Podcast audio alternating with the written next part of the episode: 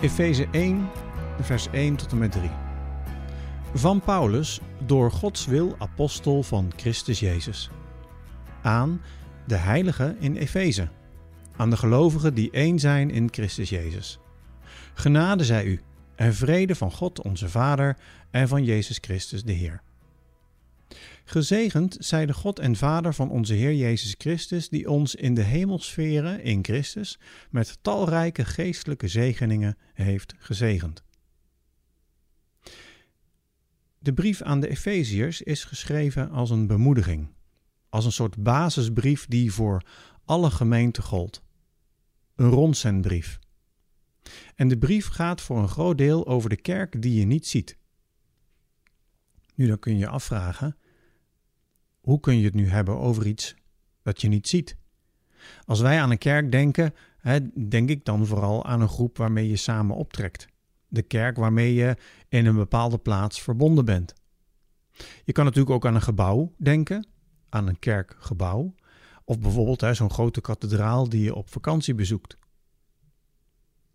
Paulus gaat in de brief aan de Efeziërs, zeker in het begin, een stapje dieper. Paulus neemt de tijd in deze brief om te beschrijven wat die kerk nu precies is, maar vooral ook hoe die kerk Gods werk is. Dus niet over het gebouw en de mensen en de activiteiten, maar Paulus staat allereerst stil bij het fundament van de kerk. Hij laat zien dat de kerk allereerst iets is dat God heeft gedaan en niet wij. Je zou het eerste hoofdstuk van de Efezebrief de heipalen kunnen noemen van de kerk. Als we naar dat eerste hoofdstuk gaan kijken, naar die eerste verse, dan valt allereerst op dat God door Christus heen die heipalen van zijn plan heeft geslagen.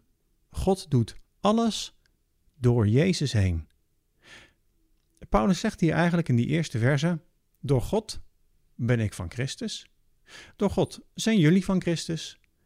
En door God hebben jullie ook de vrede van Christus nodig. De toon is gezet. Ik ben van Christus. Jullie zijn van Christus. En we hebben de zegen en de vrede van Christus nodig. Ik vind dat prachtig. Dat onder al onze bezigheden, onder al ons zingen en bidden, onder al ons samenkomen, onder honderden jaren kerkgeschiedenis, onder al die variatie aan gelovigen, aan meningen, aan vormen van samenkomen, aan theologie, daar zit Gods werk in Christus onder. Hij is degene die roept, hij is degene die één maakt, hij is degene van wie je genade en vrede moet verwachten. En het mooie is dat dit grote verhaal ook voor jou en mij in het klein geldt, vandaag. Gods werk in Christus mag ook in jouw leven en mogen in jouw leven de heipalen zijn waarop je stevig mag staan. Ook jij mag vandaag zeggen met Paulus: Ik ben van Christus. En zo mogen we met Paulus ook elkaar de zegen en de vrede van God in Christus toewensen voor de dag die voor ons ligt.